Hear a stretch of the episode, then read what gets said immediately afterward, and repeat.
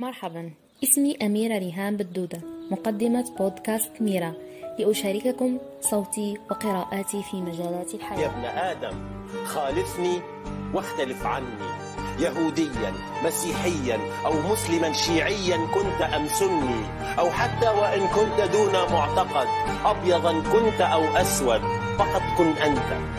العنصرية هي تصور فكري ينطلق من الاعتقاد بتميز مجموعة بشرية على غيرها ثقافيا وحضاريا. كالاختلاف الجسماني أو اختلاف اللون أو الشكل أو العرق.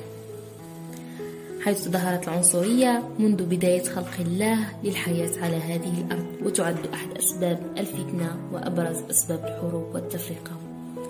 وهي أشد فتكا بالمجتمعات ولم يخلو عصر من العصور منها.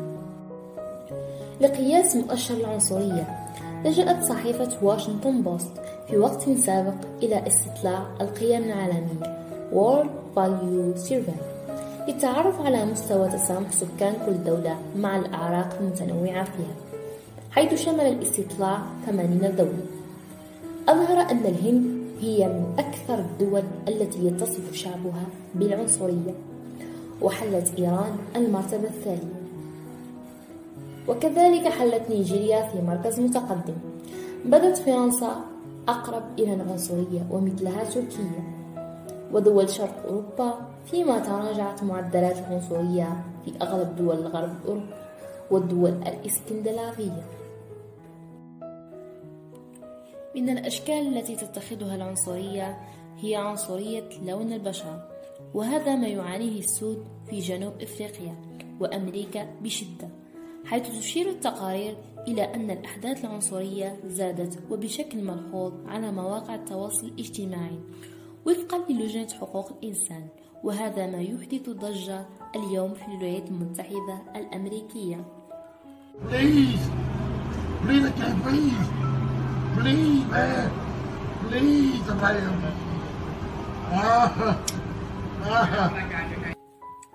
الكثير سمع عما يجري بأمريكا اليوم في ال social media والهاشتاجات على العنصرية والسود حيث صارت الشرطة تقتل الأشخاص ذوي البشرة السمراء من دون سبب من الأسباب ولا ننسى بعض الراحلين من المغنيين أو من غيرهم كانوا يذكرون على أيامهم في التسعينيات والسبعينيات أن أمريكا فيها عنصرية كبيرة من الحكومة في حقوقهم فهذه الحادثة تسببت في انقلاب كبير في أمريكا حاليا حيث تم تصوير الحادثة من أشخاص عاديين للشرطة تمسك شخص وتقتله بكل ظلم فالشخص الذي كان على الأرض هو جورج فلويد تحت تهمة تزوير النقود لأنه اشترى السيجارة بعملة مزورة I have the pleasure to present to you Dr. Martin Luther King, Jr.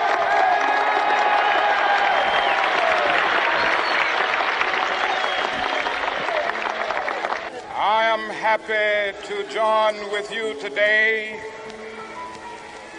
in what will go down in history. عندما نتكلم على الكلمة كقوة وسلاح نتذكر مارتن لوثر كينغ. لقد استطاع هذا الرجل تغيير وجهة الحياة في الولايات المتحدة الأمريكية باستخدام كلماته فقط. كلماته حولت الحلم إلى حقيقة وظل صداها يتردد عبر الأجيال. وينتشر في كل مكان ليكون إلهام لكل صاحب قضية وكل من يسعى إلى تحقيق هدف. مذكرا إياه أنه يملك أقوى سلاح على الإطلاق ألا وهو كلمته. تأثر بقراءته عن زعماء مثل ثورو وغاندي فقرر أن تكون الأساليب السلمية سلاحه. كانت لمقولاته وخطبه أكثر تأثير على الناس ونجحت بالفعل. في حشدهم للخروج في مسيرات سلمية احتجاجية للمطالبة بحقوقهم. وأخيرا فالعنصرية في كل مكان حتى في مجتمعاتنا وبيوتنا وحتى في الزواج. فمتى كانت العنصرية تعني التطور؟ وكما قالت جين إليوت أنت لم تولد عنصريا لقد ولدت في مجتمع عنصري. إذا كنت تستطيع تعلم العنصرية يمكنك أيضا تعلم التخلص منها. لكن بعض الناس يختارون عدم تعلم ذلك لأنهم يخشون أن يفقدوا السلطة إذا شاركوها مع الآخرين. نحن خائفون من تقاسم السلطة. هذا كل ما في الأمر.